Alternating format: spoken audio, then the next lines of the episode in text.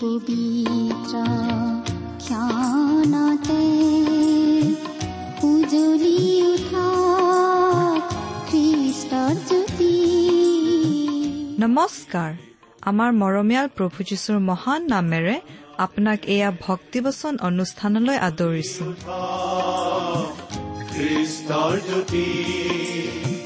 আকাশ বতাহ মুখৰিত কৰি গাঁও হাৱে মিলি প্ৰশংসা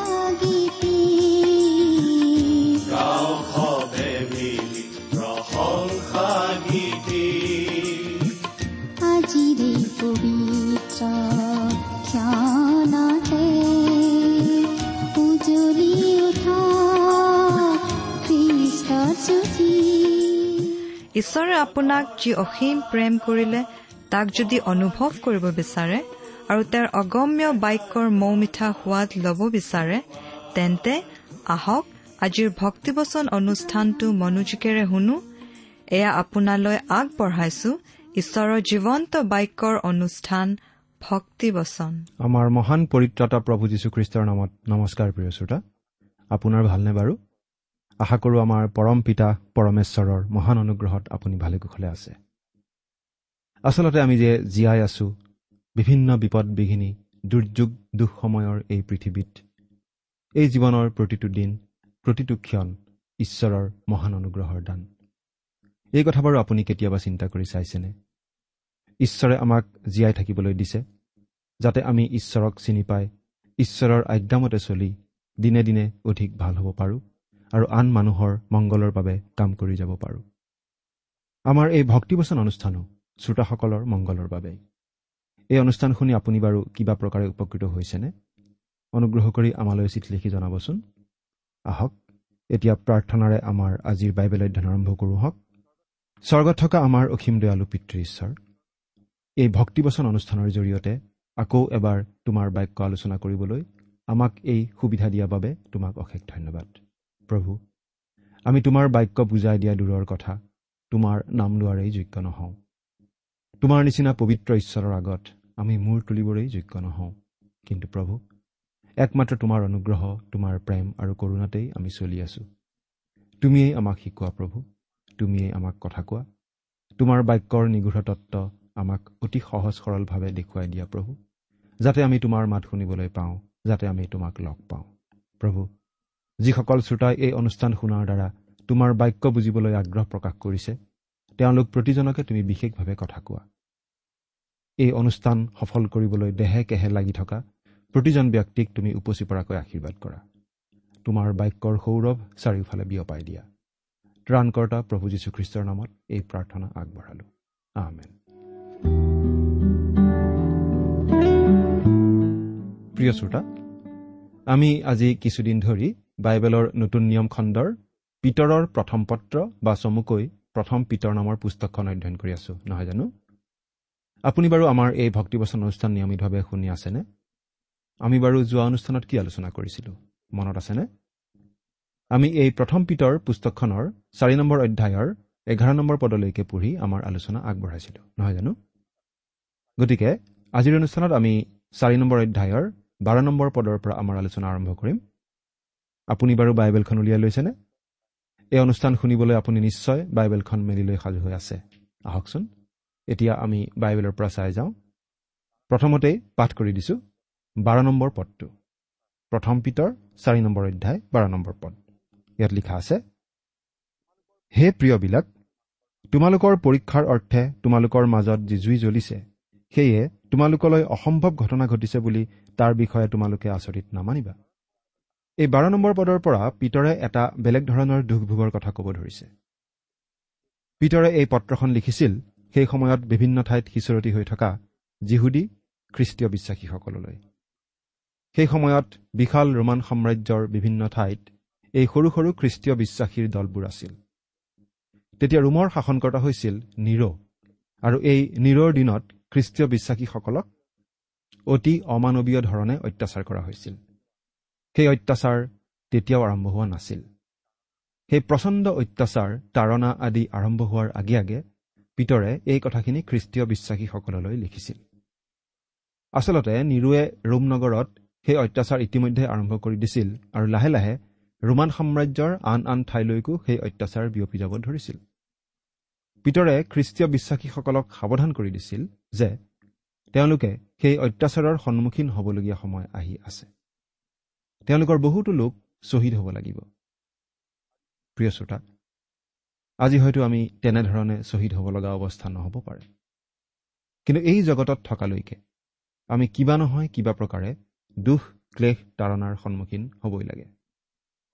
সেই প্ৰিয়বিলাক তোমালোকৰ পৰীক্ষাৰ অৰ্থে তোমালোকৰ মাজত যি জুই জ্বলিছে সেয়ে তোমালোকলৈ অসম্ভৱ ঘটনা ঘটিছে বুলি তাৰ বিষয়ে তোমালোকে আচৰিত নামানিবা। যেতিয়া আমি তাৰণাত পৰোঁ অত্যাচাৰৰ সন্মুখীন হ'ব লগা হয় তেতিয়া আমি প্ৰায়ে আচৰিত হওঁ। আমি ভাবোঁ যে আমালৈ কিবা আচৰিত ঘটনা ঘটিছে। আমি যি দুখ ভোগ কৰিব লগা হৈছে আন কোনোৱে তেনেকুৱা দুখ কষ্ট পোৱা নাই। এবাৰ এজন পালকে এঘৰ মানুহলৈ ঈশ্বৰৰ বাক্য দিবলৈ গৈছিল। সেই মানুহ ঘৰত অলপতে এজন লোকে আত্মহত্যা কৰিছিল। পালকে তেওঁলোকৰ আগত ঈশ্বৰৰ বাক্য কোৱাৰ পাছত তেওঁলোকে সুধিছিল পালক মহোদয় আমালৈনো কিয় এনেকুৱা দুৰ্যোগ আহিল? আমি যেনেকুৱা দুখ পাইছোঁ তেনেকুৱা দুখ নিশ্চয় কোনেও কেতিয়াও আগতে পোৱা নাই। তেওঁলোকৰ ঘৰৰ পৰা ওলাই অহাৰ পাছত সেই পালকজনে আন এটা পৰিয়াল চাবলৈ গ'ল। তেওঁলোকৰ পৰিয়ালতো কিছুদিন আগতে এনে আত্মহত্যাৰ ঘটনা এটা ঘটি গৈছিল। আৰু তেওঁলোকে সেই পালকজনক কি কৈছিল জানেনে প্ৰিয় শ্ৰোতা? তেওঁলোকেও কৈছিল পালক মহোদয় আমালৈনো কিয় এনেকুৱা দুৰ্যোগ আহিল? আমি যেনেকুৱা দুখ পাইছোঁ তেনেকুৱা দুখ নিশ্চয় কোনেও আগতে পোৱা নাই। ঠিক সেই প্ৰথম পৰিয়ালটোৱে কোৱাৰ নিচিনাকৈ তেওঁলোকে কৈছিল। প্ৰিয় শ্ৰোতা এই কথা বাৰু সঁচা নহয়নে? আমালৈ কিবা দুৰ্যোগ আহিলে আমি ভাবোঁ আমাৰ নিচিনা দুখ আগতে কোনেও পোৱা নাই বুলি। আমাৰ নিচিনা বেয়া পৰিস্থিতি আগতে কাৰো হোৱা নাই বুলি। প্ৰিয় শ্ৰোতা আপুনি বাৰু আজি কি পৰিস্থিতিত পৰি আছে? আমি ক'ব নোৱাৰোঁ। কিন্তু আপুনি যি পৰিস্থিতিতেই নাথাকক কিয়? সেয়া একো নতুন কথা নহয়। আগতেও কোনোবাই নহয় কোনোবাই তেনেকুৱা পৰিস্থিতিৰ মাজেদি পাৰ হৈ গৈছে। যেতিয়া পৌলক পাচনি হিচাপে প্ৰভু যীশুৱে নিযুক্তি দিছিল প্ৰভু যীশুৱে তেওঁক কৈছিল। বাইবেলৰ পৰা পঢ়ি দিছো। কিয়নো তেওঁ মোৰ নামৰ নিমিত্তে কিমান দুখ ভোগ কৰিব লাগিব ইয়াকে মই তেওঁক দেখুৱাই দিম। পাচনিৰ কৰ্ম ন অধ্যায় ষোল্ল পদ আৰু এই কথা আমি স্বীকাৰ কৰিবই লাগিব যে পৌলে দুখ কষ্ট ভোগ কৰাৰ ক্ষেত্ৰত একেবাৰে চৰম সীমা পাব লগা হৈছিল। আমি সিমান চৰম অৱস্থালৈ যাব লগা নিশ্চয় হোৱা নাই। গতিকে আমি আমাৰ দুখ ক্লেশ আদিক কিবা নতুন কথা কিবা আচৰিত কথা বুলি ভাবিব নালাগে। আচলতে আন কোনেও কেতিয়াও সহিব লগা নোহোৱা ধৰণৰ দুখ ক্লেশ আমাৰ জীৱনলৈ প্ৰভুৱে কেতিয়াও আহিবলৈ নিদিয়ে।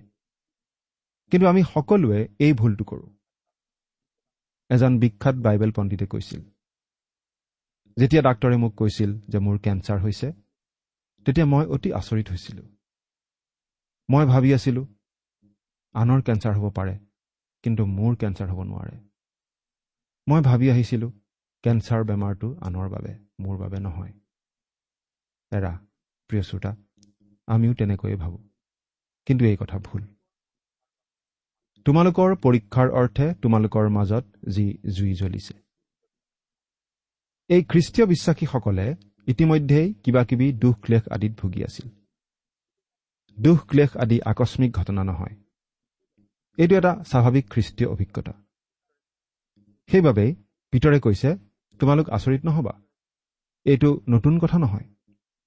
এইটো স্বাভাৱিক কথা খ্ৰীষ্টীয় বিশ্বাসীসকলৰ কাৰণে। জুইত পুৰি যেনেকৈ সোণৰ বিশুদ্ধতা পৰীক্ষা কৰা হয় তেনেকৈ দুখ ক্লেশ আদিৰ জুইত পুৰি খ্ৰীষ্টীয় বিশ্বাসীসকলৰ বিশ্বাসৰ পৰীক্ষা কৰা হয়। এয়া খ্ৰীষ্টীয় বিশ্বাসীৰ ভালৰ কাৰণে। এই অভিজ্ঞতা ডাইবিলৰো হৈছিল পাচনি পৌলৰো হৈছিল পিতৰৰো হৈছিল। এই সকলো দুখ কষ্ট তাৰণা আদিৰ মাজত ঈশ্বৰৰ বিশেষ পৰিকল্পনা থাকে। বিশেষ উদ্দেশ্যতহে এনেকুৱা হবলৈ ঈশ্বৰে এৰি দিয়ে। তেৰ নম্বৰ পদটো পঢ়ি দিছো। বৰং যি পৰিমাণে খ্ৰীষ্টৰ দুখ ভোগৰ সহভাগী হৈছা সেই পৰিমাণে আনন্দ কৰা যেন তেওঁৰ গৌৰৱ প্ৰকাশিত হোৱা কালত তোমালোকে আনন্দেৰে উল্লাস কৰিব পাৰা। অৰ্থাৎ খ্ৰীষ্টীয় বিশ্বাসীসকলে দুখ ক্লেশৰ পৰীক্ষাৰ সময়ত আনন্দ কৰা উচিত। কিয় বাৰু? কাৰণ দুখ ক্লেশে আমাক অচিৰেই হ'বলগীয়া খ্ৰীষ্টৰ পুনৰ আগমনলৈ সাজু কৰি তোলে। বাইবেলত এনেদৰে লিখা আছে আৰু যদি সন্তান হওঁ তেন্তে উত্তৰাধিকাৰীও হওঁ। অৰ্থাৎ খ্ৰীষ্টে সৈতে গৌৰৱান্বিত হ'বলৈ যদিহে আমি তেওঁৱে সৈতে দুখ ভোগ কৰোঁ তেহে আমি ঈশ্বৰৰ উত্তৰাধিকাৰী আৰু খ্ৰীষ্টে সৈতে উত্তৰাধিকাৰী হওঁ। ৰুমিয়া আঠ অধ্যায় সোতৰ পদ। খ্ৰীষ্টীয় বিশ্বাসৰ জীৱন যাপন কৰাৰ ক্ষেত্ৰত কোনো চুটি ৰাস্তা নাই। কোনো সহজ বাট নাই। আমি এটা কথা মনত ৰখা উচিত যে খ্ৰীষ্টীয় জীৱনটো এটা ভোজৰ নিচিনা। এই ভোজলৈ ঈশ্বৰে আমাক বিনামূল্যে নিমন্ত্ৰণ জনাইছে। এই ভোজ পৰিত্ৰাণৰ ভোজ অনন্ত জীৱনৰ ভোজ। ঈশ্বৰৰ সেই নিমন্ত্ৰণৰ প্ৰতি সঁহাৰি দি প্ৰভু যীশুক গ্ৰহণ কৰি আমি সকলোৱে সেই পৰিত্ৰাণৰ ভোজত ভাগ ল'ব পাৰোঁ। কিন্তু খ্ৰীষ্টীয় জীৱনটো এটা পিকনিক নহয়। আমি খ্ৰীষ্টৰ হকে দুখ ভোগ কৰিব লাগে আৰু খ্ৰীষ্টৰ সৈতে দুখ ভোগ কৰিব লাগে। আমি যে এই জীৱনকালত দুখ ভোগ কৰোঁ সেই প্ৰতিটো দুখ ভোগৰ প্ৰকৃত কাৰণ আচল উদ্দেশ্য আমি সম্পূৰ্ণৰূপে বুজি পাম যিদিনা আমি প্ৰভু যীশুৰ সন্মুখত থিয় হ'ম যিদিনা আমি তেওঁৰ উপস্থিতিলৈ যাম। আমাক যদি স্বৰ্গত পৌলৰ লগত একে গৌৰৱ মহিমাৰ স্থানত বহিবলৈ দিয়া হয়। আমি বাৰু লাজ নাপামনে? কাৰণ আমিতো পৌলৰ সমান দুখ ভোগ কৰা নাই। প্ৰিয় শ্ৰোতা ঈশ্বৰৰ বাক্যত অতি স্পষ্ট কৰি দিয়া হৈছে যে দুখ ভোগ খ্ৰীষ্টীয় জীৱনৰ এটা অপৰিহাৰ্য অংগ। দুখ ভোগেই আমাক উন্নত কৰে। খ্ৰীষ্টীয় জীৱনত আগবঢ়াই লৈ যায়। প্ৰিয় শ্ৰোতা খ্ৰীষ্টীয় বিশ্বাসীৰ জীৱনত দুখ ক্লেশ থাকেই। খ্ৰীষ্টীয় পৰিয়ালত দুখ ক্লেশ আহিবই। এজন বিখ্যাত খ্ৰীষ্টীয় বিশ্বাসীয়ে এনেদৰে কৈছিল মোৰ আৰু মোৰ পত্নীৰ মাজত থকা সম্বন্ধ অতি গভীৰ হৈছিল আমাৰ প্ৰথম সন্তানটোৰ মৃত্যুৰ পাছত। সেই সন্তানক আমি প্ৰাণ ভৰি ভাল পাইছিলোঁ। সেই সন্তানৰ ৰোগ শয্যাৰ কাষত বহি আমি চকুলো টুকি টুকি প্ৰাৰ্থনা কৰিছিলোঁ। কিন্তু সেই সন্তানক ঈশ্বৰে লৈ গ'ল আৰু মোৰ আৰু ভাৰ্যাৰ মাজৰ মৰমৰ বান্ধোন অধিক কটকটীয়া কৰি থৈ গ'ল। এৰা প্ৰিয় শ্ৰোতা প্ৰতিটো দুখ ক্লেশে আমাৰ জীৱনত গভীৰভাৱে প্ৰভাৱ পেলায়। আমি প্ৰভুৰ অধিক ওচৰ চাপোঁ আমাৰ খ্ৰীষ্টীয় বিশ্বাসৰ জীৱনত অধিক আগবাঢ়ো। আমি যদি আজি খ্ৰীষ্টৰ দুখভোগৰ সমভাগী হ'ব লগা হৈছে তাৰ বাবে আমি আনন্দ কৰা উচিত কাৰণ আমি প্ৰভু যীশুৰ আগমনৰ দিনা অধিক উল্লাস কৰিব পাৰিম। চৈধ্য নম্বৰ পদটো পঢ়িছো। যদি খ্ৰীষ্টৰ নামৰ নিমিত্তে নিন্দিত হোৱা তেন্তে তোমালোক ধন্য। কিয়নো গৌৰৱৰ আত্মা অৰ্থাৎ ঈশ্বৰৰ আত্মা তোমালোকৰ ওপৰত আছে। যদি খ্ৰীষ্টৰ নামৰ নিমিত্তে নিন্দিত হোৱা তেন্তে তোমালোক ধন্য। এই কথা আমি আগতেও পাই আহিছো।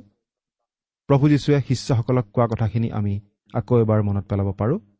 তেওঁ কৈছিল যেতিয়া মানুহবিলাকে মোৰ নামৰ কাৰণে তোমালোকক নিন্দা আৰু তাৰণা কৰিব আৰু তোমালোকৰ অহিতে মিছাকৈ সকলো প্ৰকাৰ কুকথা ক'ব তেতিয়া তোমালোক ধন্য। আনন্দ কৰা আৰু উল্লাসিত হোৱা। কিয়নো স্বৰ্গত তোমালোকৰ পুৰস্কাৰ অধিক আছে কাৰণ তোমালোকৰ পূৰ্বে যি ভাৱবাদীসকল আছিল তেওঁলোককো মানুহবিলাকে সেইদৰে তাৰণা কৰিছিল। মুঠি পাঁচ অধ্যায় এঘাৰ আৰু বাৰ পদ। কিয়নো গৌৰৱৰ আত্মা অৰ্থাৎ ঈশ্বৰৰ আত্মা তোমালোকৰ ওপৰত আছে। অৰ্থাৎ আমি যে খ্ৰীষ্টীয় বিশ্বাসী আমি যে ঈশ্বৰৰ সন্তান সেই কথাৰ প্ৰমাণ আমি পাওঁ যেতিয়া আমি খ্ৰীষ্টৰ নামৰ নিমিত্তে নিন্দিত হওঁ। প্ৰতিজন খ্ৰীষ্টীয় বিশ্বাসীতে ঈশ্বৰৰ আত্মা পবিত্ৰ আত্মা নিবাস কৰে। আৰু প্ৰতিজন বিশ্বাসীয়েই খ্ৰীষ্টৰ নামৰ নিমিত্তে কিবা নহয় কিবা প্ৰকাৰে নিন্দিত হ'ব লগা হয় তাৰণা পাব লগা হয়। যদিহে আমি খুব জনপ্ৰিয় আৰু আমাক এই জগতে মূৰত উঠাই আদৰ দেখুৱাই থাকে আমি আচলতে খ্ৰীষ্টীয় বিশ্বাসী নহয়। কাৰণ খ্ৰীষ্টীয় বিশ্বাসীক জগতে কেতিয়াও তেনেদৰে ব্যৱহাৰ নকৰে। প্ৰিয় শ্ৰোতা এবাৰ এখন ঠাইত প্ৰচণ্ড ভূমিকম্প হৈ বিস্তৰ ক্ষয় ক্ষতি সাধন হৈছিল। বহুতো লোকৰ মৃত্যু হৈছিল। মানুহবোৰে নিৰাপদ স্থানত আশ্ৰয় লৈছিল। প্ৰায় সকলো মানুহে কন্দা কটা কৰি আছিল। কিন্তু এগৰাকী খ্ৰীষ্টীয় বিশ্বাসী মহিলাই ঈশ্বৰৰ প্ৰশংসাৰ গীত গাই আছিল। মানুহবোৰে মহিলাগৰাকীক সুধিলে এই দুৰ্যোগৰ সময়ত আপুনি কিয় ঈশ্বৰৰ প্ৰশংসা কৰিছে?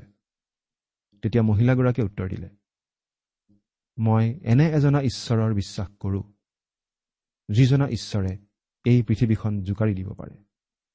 এৰা কথাষাৰ কিমান সঁচা? অৱশ্যে আমি সকলোৱে ভূমিকম্পৰ সময়ত তেনেদৰে গান গাব পাৰিম বুলি নাভাবোঁ।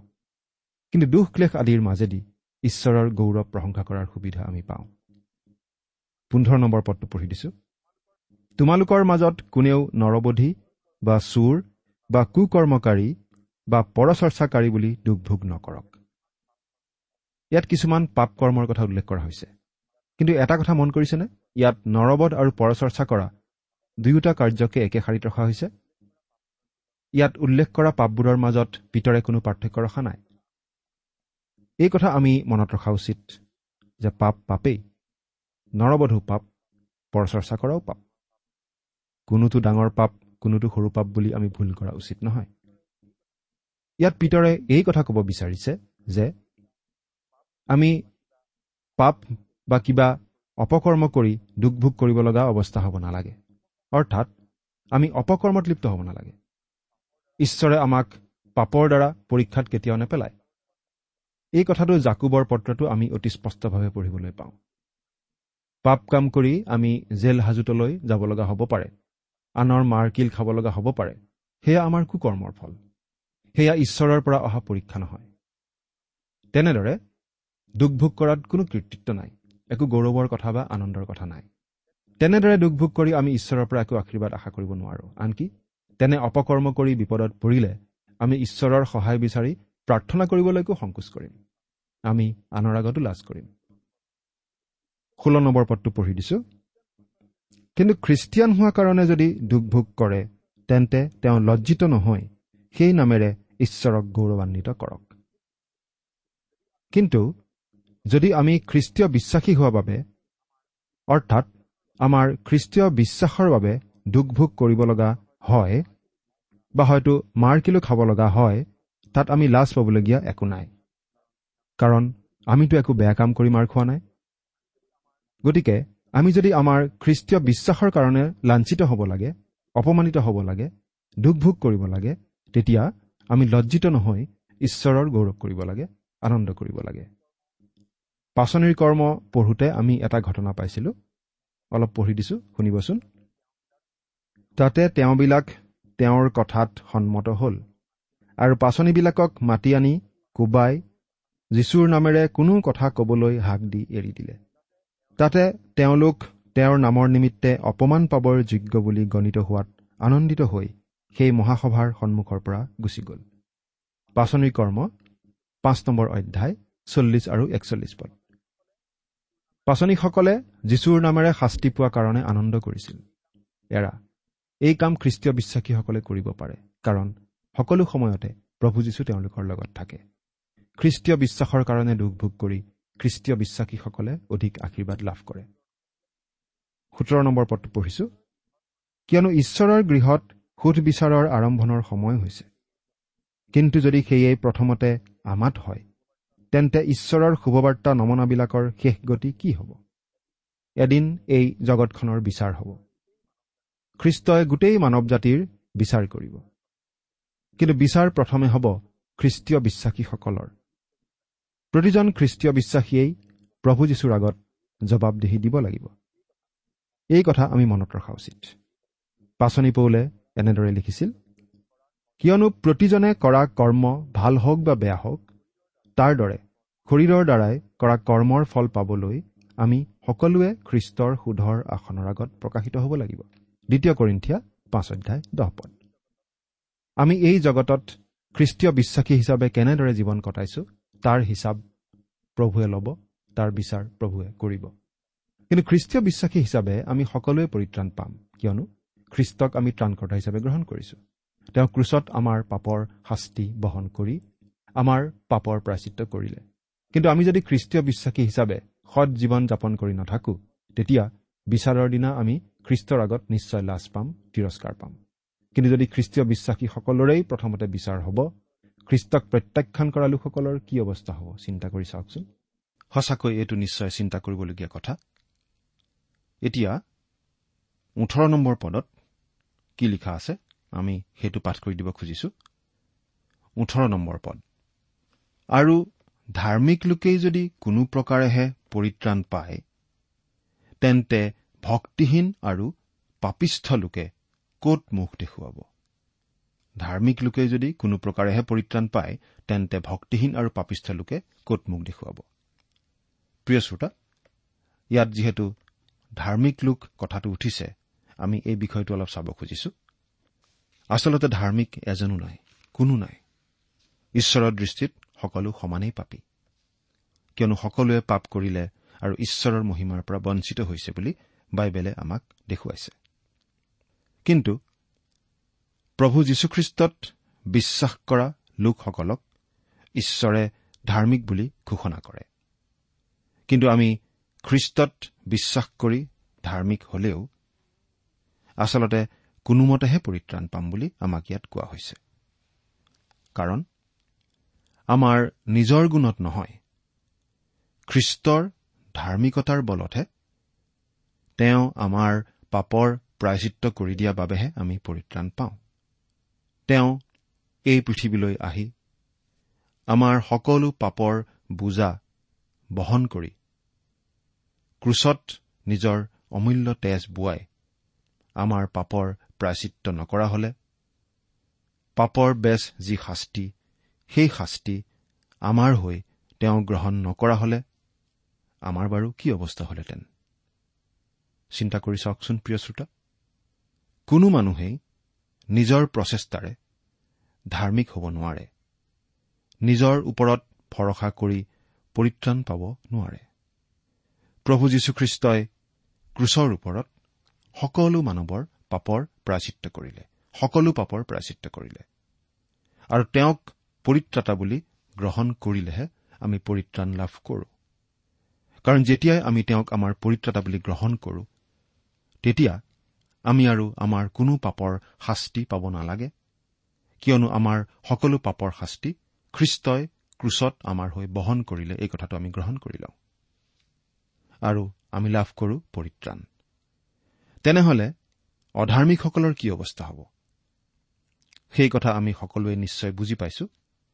আৰু সেইবাবেই প্ৰভু যীশুৱে এই বুলি কৈছিল ময়েই বাট সত্য আৰু জীৱন। মোৰ যোগেদি নগলে কোনো মোৰ পিতৃৰ ওচৰলৈ নাযায়। জোহনে লিখা শুভবাৰ্তাৰ চৈধ্য নম্বৰ অধ্যায়ৰ ছয় নম্বৰ পদ। এতিয়া আমি ঊনৈশ নম্বৰ পদটো পঢ়ি দিছো। এইকাৰণে যিবিলাকে ঈশ্বৰৰ ইচ্ছাৰ দৰে দুখ ভোগ কৰে তেওঁবিলাকে সৎকৰ্ম কৰি কৰি নিজ নিজ জীৱাত্মাক বিশ্বাসী সৃষ্টিকৰ্তাৰ হাতত সমৰ্পণ কৰক। সেই কথা মনত ৰাখি আমি প্ৰতিজন খ্ৰীষ্টীয় বিশ্বাসীয়ে নিজৰ নিজৰ জীৱন ঈশ্বৰৰ হাততেই গতাই দিয়া উচিত। ঈশ্বৰৰ হাততেই সমৰ্পণ কৰা উচিত। পাচনি পৌলে কি কৈছিল শুনকচোন? দ্বিতীয় তিমঠীয় এক নম্বৰ অধ্যায়ৰ বাৰ নম্বৰ পদ। তেওঁ কৈছিল এইকাৰণে মই এইবোৰ দুখ ভোগো কৰিছো। তথাপি লজ্জিত নহওঁ কিয়নো মই যিজনাক বিশ্বাস কৰিলো তেওঁক জানো আৰু তেওঁৰ হাতত মই যিহকে গতাই দিলো তাকে তেওঁ যে সেইদিনৰ নিমিত্তে পহৰা দি ৰাখিবৰ সমৰ্থ ইয়াকে দৃঢ় প্ৰত্যয় কৰিছো। আকৌ তেওঁ এই বুলিও কৈছিল ফিলিপিয়া তিনি নম্বৰ অধ্যায়ৰ সাত আৰু আঠ নম্বৰ পদত কিন্তু মোৰ পক্ষে যি যি লাভ আছিল সেই সকলোকে খ্ৰীষ্টৰ নিমিত্তে মই হানি যেন মানিলো। এনেকি মোৰ প্ৰভু খ্ৰীষ্ট যীশুৰ জ্ঞানৰ উত্তমতাৰ কাৰণে মই সকলোকে হানি যেনহে মানিছো? আমি খ্ৰীষ্টীয় বিশ্বাসী হিচাপে দুখভোগ কৰাৰ সময়ত এই সকলো কথা মনত ৰাখি আমাৰ জীৱনৰ দায়িত্ব ঈশ্বৰৰ হাততেই গতাই দিয়া উচিত। প্ৰিয় শ্ৰোতা ঈশ্বৰৰ হাতত আমি সম্পূৰ্ণ নিৰাপদ। আমি নিজৰ জীৱন নিজে চলাবলৈ চেষ্টা নকৰি প্ৰভু যীশুকেই আমাৰ প্ৰভু বুলি প্ৰকৃত অৰ্থত বিশ্বাস কৰি তেওঁতেই আমাৰ জীৱনৰ ভাৰ গতাই দিয়া উচিত নহয়নে বাৰু? ঈশ্বৰে আপোনাক আশীৰ্বাদ কৰক।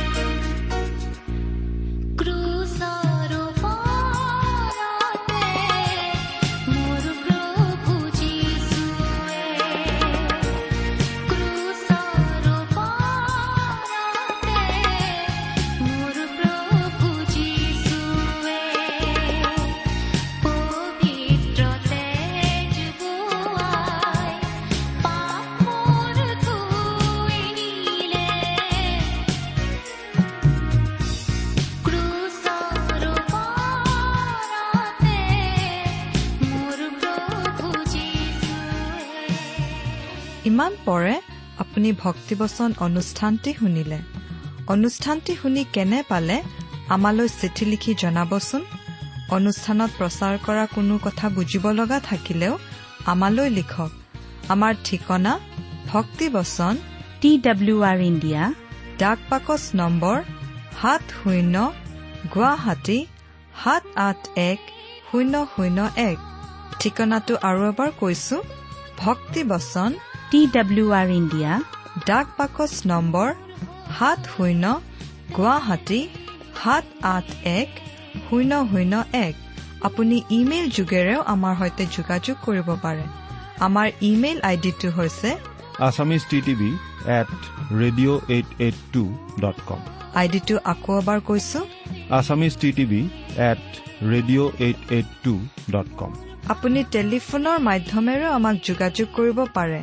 আমাৰ টেলিফোন নম্বৰটো হৈছে শূন্য তিনি ছয় এক দুই ছয় শূন্য চাৰি ছয় সাত এক। ফোন নম্বৰটো আকৌ এবাৰ কৈছো zero' three six one two six zero' four six seven one. আজিৰ অনুষ্ঠানটি ইমানতে সামৰিছো। ঈশ্বৰৰ শান্তি আৰু অনুগ্ৰহ আপোনাৰ লগত থাকক। ধন্যবাদ।